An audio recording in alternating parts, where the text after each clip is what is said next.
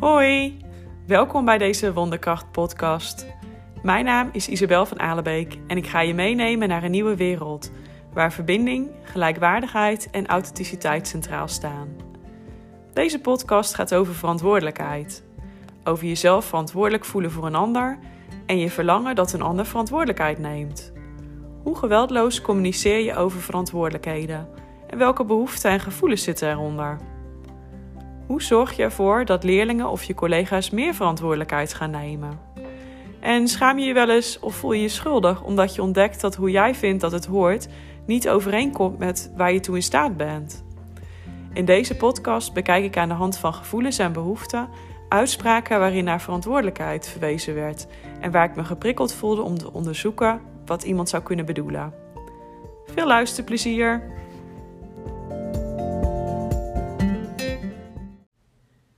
Verantwoordelijkheid, een universele behoefte. Verantwoordelijkheid wordt op verschillende manieren gedefinieerd. Het houdt de verplichting in dat iets goed verloopt, verwijst naar de plicht verantwoording af te leggen of betekent de grote zorg en toewijding die voor iets vereist zijn. Dan kan verantwoordelijkheid wel een universele behoefte zijn. Met verplichtingen en eisen lijkt het niet meer zo'n geweldloos geheel te zijn. De lading die het woord met zich meedraagt, kan daardoor bij een leerling, student of collega weerstand oproepen. Er is hoop, want de manier waarop verzocht wordt om de behoefte aan verantwoordelijkheid te vervullen, kan heel verbindend ervaren worden als er een concreet verzoek gedaan wordt waarbij er ruimte is voor een nee. Maar als voor jou een nee horen betekent dat je de ander gaat verwijten dat deze geen verantwoordelijkheid neemt, dan was het geen verzoek meer, dan was het een eis. Dan was er geen ruimte voor een eigen keus van de ander. De energie waarom je dan een dergelijk verzoek doet, wordt dan als dwingend ervaren, niet vrij van geweld. Het verlangen dat de ander verantwoordelijkheid neemt, hoor ik in het dagelijks leven op allerlei manieren verwoord worden. Ik voel me geïntrigeerd om te ontdekken welke gevoelens en behoeften schuilgaan achter uitspraken als: Ik lijk wel de enige die zich hier verantwoordelijk voor voelt. Of die leerling kan die verantwoordelijkheid niet aan. Of die student neemt geen verantwoordelijkheid voor haar eigen leerproces. Dergelijke uitspraken worden binnen de geweldloze communicatie ook wel jakhalzen genoemd. Het zijn oordelen en het zijn onfortuinlijke uitingen van gevoelens en onvervulde behoeften. Als eerste het verantwoordelijk voelen. Hoewel het voelen qua woordkeus lijkt te verwijzen naar gevoel, wordt het verantwoordelijk voelen regelmatig meer een quasi-gevoel. Een woord wat lijkt te gaan over een gevoel, maar wat vooral verwijst naar gedachten en waarbij het gedrag van anderen een rol speelt. Welke gedachten gaan er in je om op het moment dat je zegt dat je je verantwoordelijk voelt? Ik moet het twee keer weer allemaal zelf doen. Het heeft geen zin om iets te vragen, want de ander doet het toch niet. Ik kan het beter dan de ander het zou kunnen. Als ik het niet doe, doet niemand het. Gedachten die verwijzen naar onvervulde behoeften en het ongelukkige gevoel wat dit met zich meebrengt. De toon waarmee ik voel me verantwoordelijk gezegd wordt, kan een lading verwijten in zich dragen. Wat niet letterlijk gezegd wordt, is in de onderstroom qua energie wel voelbaar. Wanneer diegene onbekend is met geweldloze communicatie, dan is de kans nog groter dat het ongelukkig zijn de ander verweten wordt, in plaats van gerelateerd wordt aan onvervulde behoeften. De afstand wordt groter, de verbinding is verstoord. Als je wel geweldloos kunt communiceren, heb je op zo'n moment de kans om als giraf te vertalen wat leeft in de ander. Je probeert verbinding te maken door mogelijke gevoelens en behoeften te verhelderen. Voel je alleen? Mis je afstemming en samenwerking? Ben je verdrietig? Mis je betrokkenheid? Ben je teleurgesteld? Is voortgang belangrijk voor je? Voel je ontzet? Is daadkracht en commitment belangrijk voor jou? Ben je geïrriteerd omdat je initiatief mist? Wanneer er helderheid is over wat er achter de woorden ik voel me verantwoordelijk zit, dan kun je ontdekken of deze behoeften gedeeld worden. Zijn de behoeftes herkenbaar voor de collega's? Zijn dit behoeften die ook voor je klas belangrijk zijn? Vervolgens kunnen jullie dan zoeken naar manieren om de behoeften te vervullen. Samen, alleen, met één persoon, met een paar collega's, met een heel team. De uitspraak ik voel me verantwoordelijk kan zeker ook gaan over vervulde behoeften. Zo voel ik me bijvoorbeeld over de ja die ik heb gezegd op de vraag om samen met een collega het teamuitje te organiseren. Deze verantwoordelijk voelen verwijst naar ik voel me betrokken, ik voel me vastberaden, ik voel me krachtig, ik voel me zeker, ik voel me energiek. Verwijst dan voor mij naar vervulde behoeften tijdens de organisatie en het overleg met een collega voor teamuitje. Mijn behoefte aan autonomie, aan co-creatie, aan bijdrage en aan plezier worden dan vervuld. Ook hier is een giraf die kan verhelderen wat ik bedoel als ik me uit met ik voel me verantwoordelijk welkom om ervoor te zorgen dat er nog meer verbinding kan ontstaan als ik zelf en de mensen in mijn omgeving ontdekken wat ik ervaar en wat bijdraagt aan mijn geluk.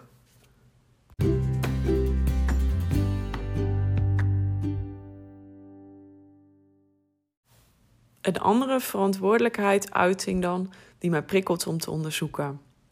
Je verantwoordelijk voelen voor een ander.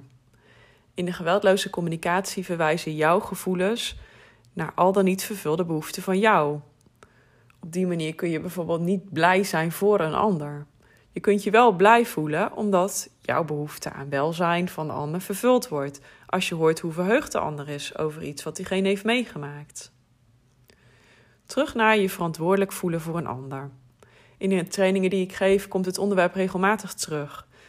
Misschien confronterend voor je, terwijl het lijkt alsof je bezig bent met de ander, ben je nog steeds bezig met je eigen behoeften vervullen.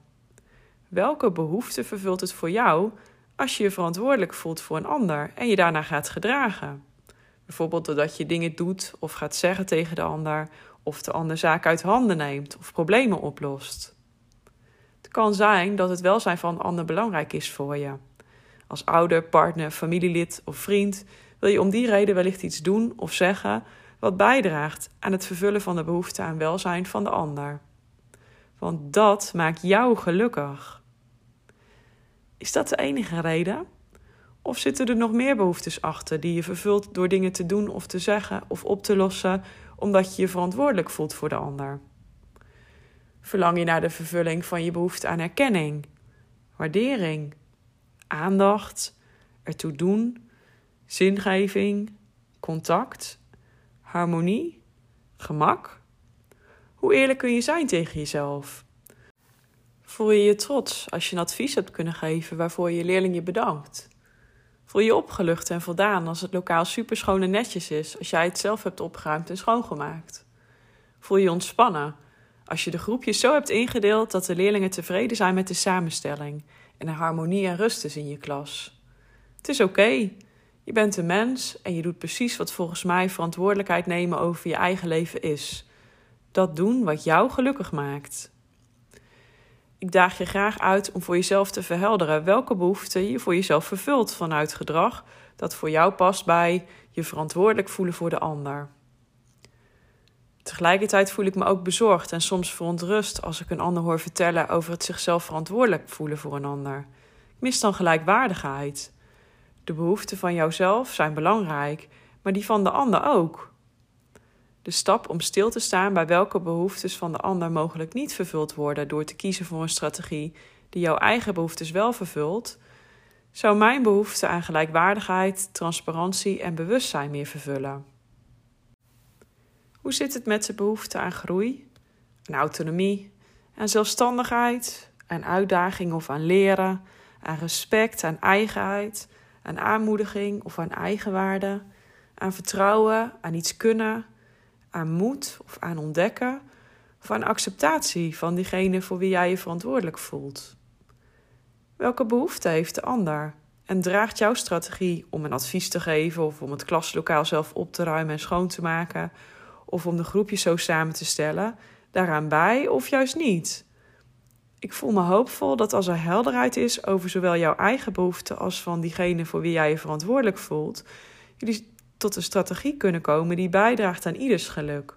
Hoe inspirerend lijkt me dat als je ruimte biedt voor eigenheid, als je mensen in hun kracht laat, doordat je samen zoekt naar wat manieren zijn om ieders behoefte te vervullen en de energie in die creativiteit zit.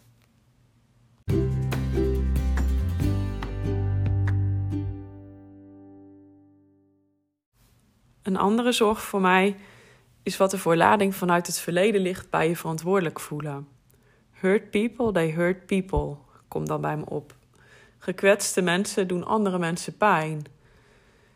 De kans dat jij met geweld geleerd hebt om verantwoordelijkheid te nemen, dat je vanuit angst om er niet bij te horen, je verloren voelde zonder liefde van je opvoeders, je geschokt en ondaan voelde als er tegen je geschreeuwd werd hoe je iets moest doen, of je zag hoe er tegen anderen geweld gebruikt werd om zich te houden aan een norm, is reëel.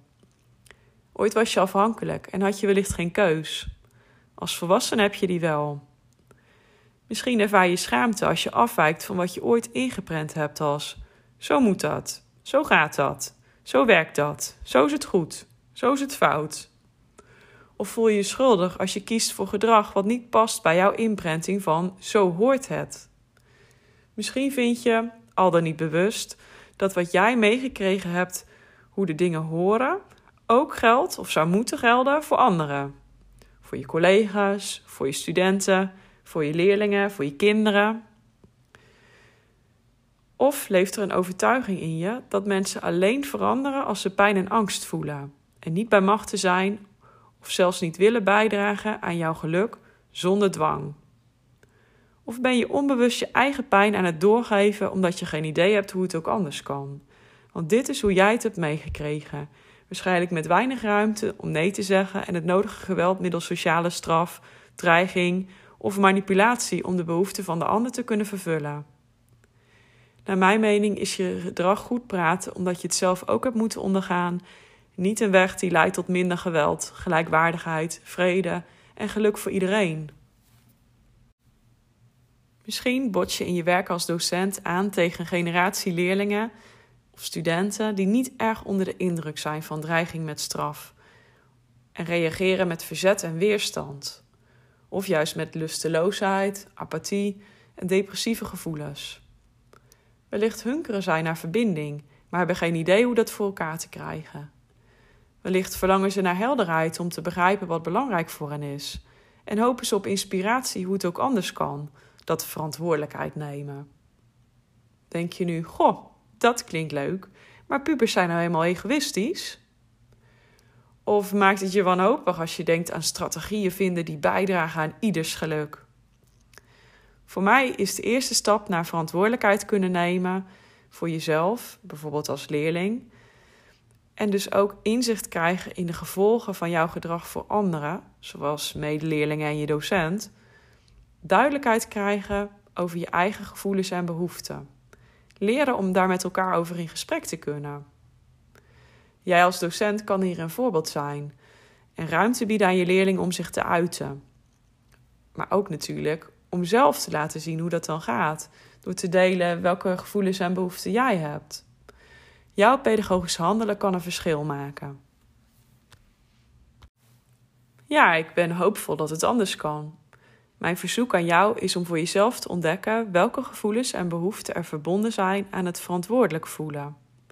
Ik wil je vragen om stil te staan, te rouwen om de onvervulde behoeftes op de momenten dat je geen keuze ervaarde, geen ruimte voelde om nee te mogen zeggen, of de veiligheid miste om nee te mogen zeggen. Of om een moment waarop je je verantwoordelijk voelde of de verantwoordelijkheid bij de ander miste, te bespreken met iemand die bekend is met geweldloze communicatie, zodat je ontdekt wat er voor jou onder zit aan gevoelens en onvervulde behoeften. Op die manier, of misschien ben je meer geïnteresseerd in een jakhalscafé, krijg je de ruimte om te ontladen en ontstaat een nieuwe ruimte voor het met empathie luisteren naar de ander, naar je collega, je leidinggevende, je student of leerling.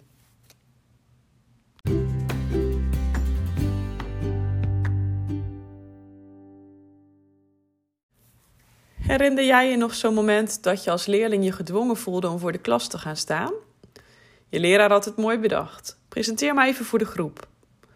Voelde je je onzeker, omdat je werd overvallen en met zo weinig voorbereiding niet voldoende zelfvertrouwen had dat je in staat was om te presenteren? En voelde je je zelfs angstig dat je uitgelachen zou kunnen worden? Voelde je je klein en kwetsbaar? Miste je veiligheid?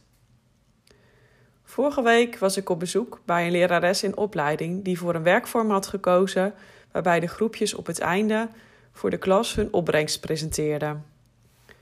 De groepjes vroegen tijdens de uitleg of ze ook op hun plek mochten blijven voor de presentaties. De docenten stemden daarmee in. Toen het zover was, wilden de leerlingen ook niet op hun plek gaan staan, maar vroegen ze of ze mochten blijven zitten. Spannend vond ik dit moment. Ik was super nieuwsgierig hoe ze nu zou reageren. Ook dat was akkoord voor haar, met als aanvulling dat het dan wel stil zou zijn, zodat er naar elkaar geluisterd kon worden. Ik voelde me ook verwonderd over de ruimte die de leerlingen kregen om in gesprek te gaan over de gekozen strategie en het oog voor de mogelijke behoeften die leefden bij, de leerlingen.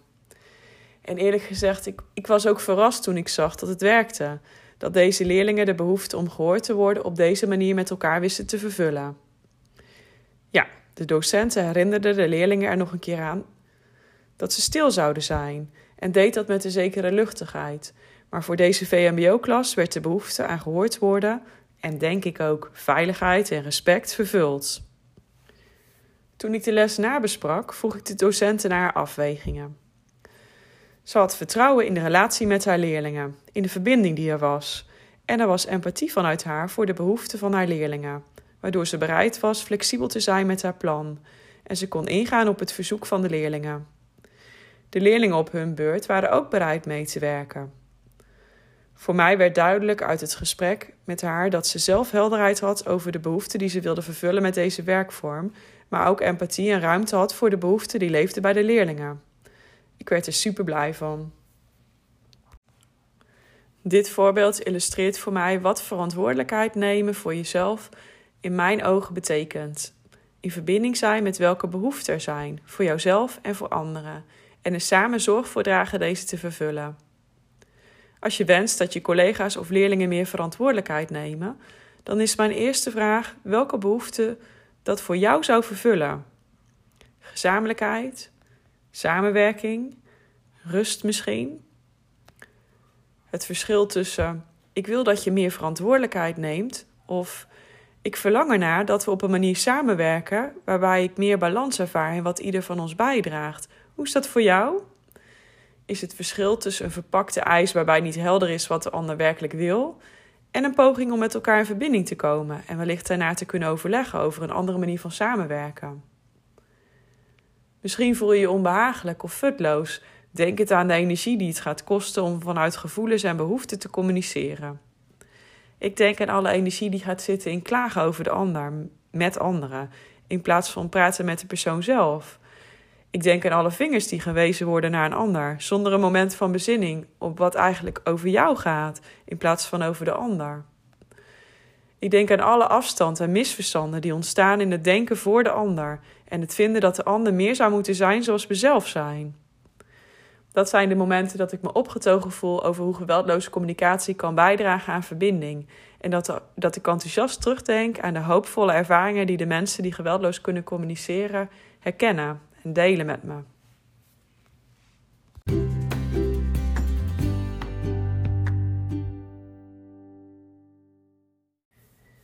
Als je meer vanuit een coachrol de verantwoordelijkheid aan een ander wil geven, bijvoorbeeld omdat je mentor of studieloopbaanbegeleider van leerlingen bent, dan wordt de manier waarop je luistert interessant voor mij.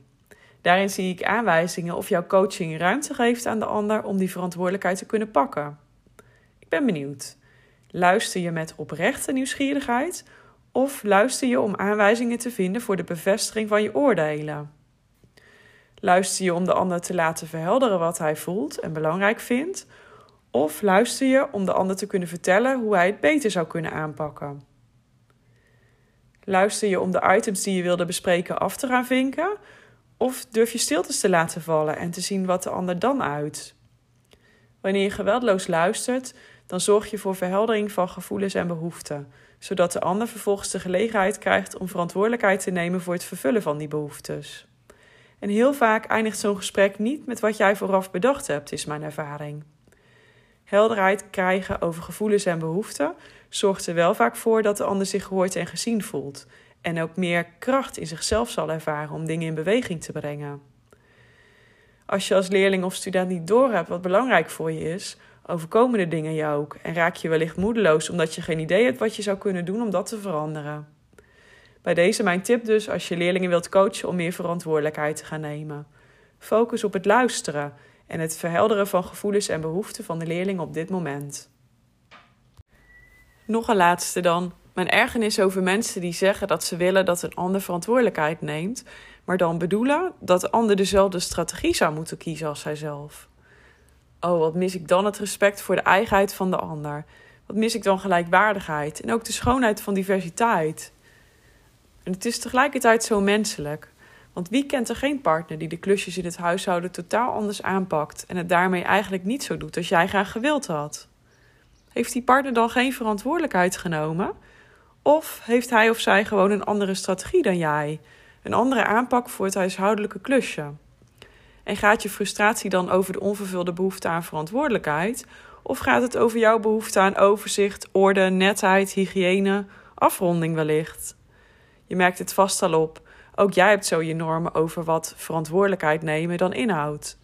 Daarover open zijn zou een mooie stap zijn om weer tot verbinding te komen. Tja, de collega die niet net zoveel als jij in te brengen heeft tijdens een teamoverleg, kan een hele andere manier hebben van verantwoordelijkheid nemen. En de eerste zijn die bereid is de les van een zieke collega op te vangen of een moeilijk gesprek met een ouder te voeren. Ook hier weer kun je het hebben over de vele verschillende mogelijkheden die er zijn om de behoefte te vervullen, de strategieën dus, of gaat het eigenlijk over een andere behoefte van jou die je verlangt te vervullen als je zegt dat je wilt dat een ander verantwoordelijkheid neemt?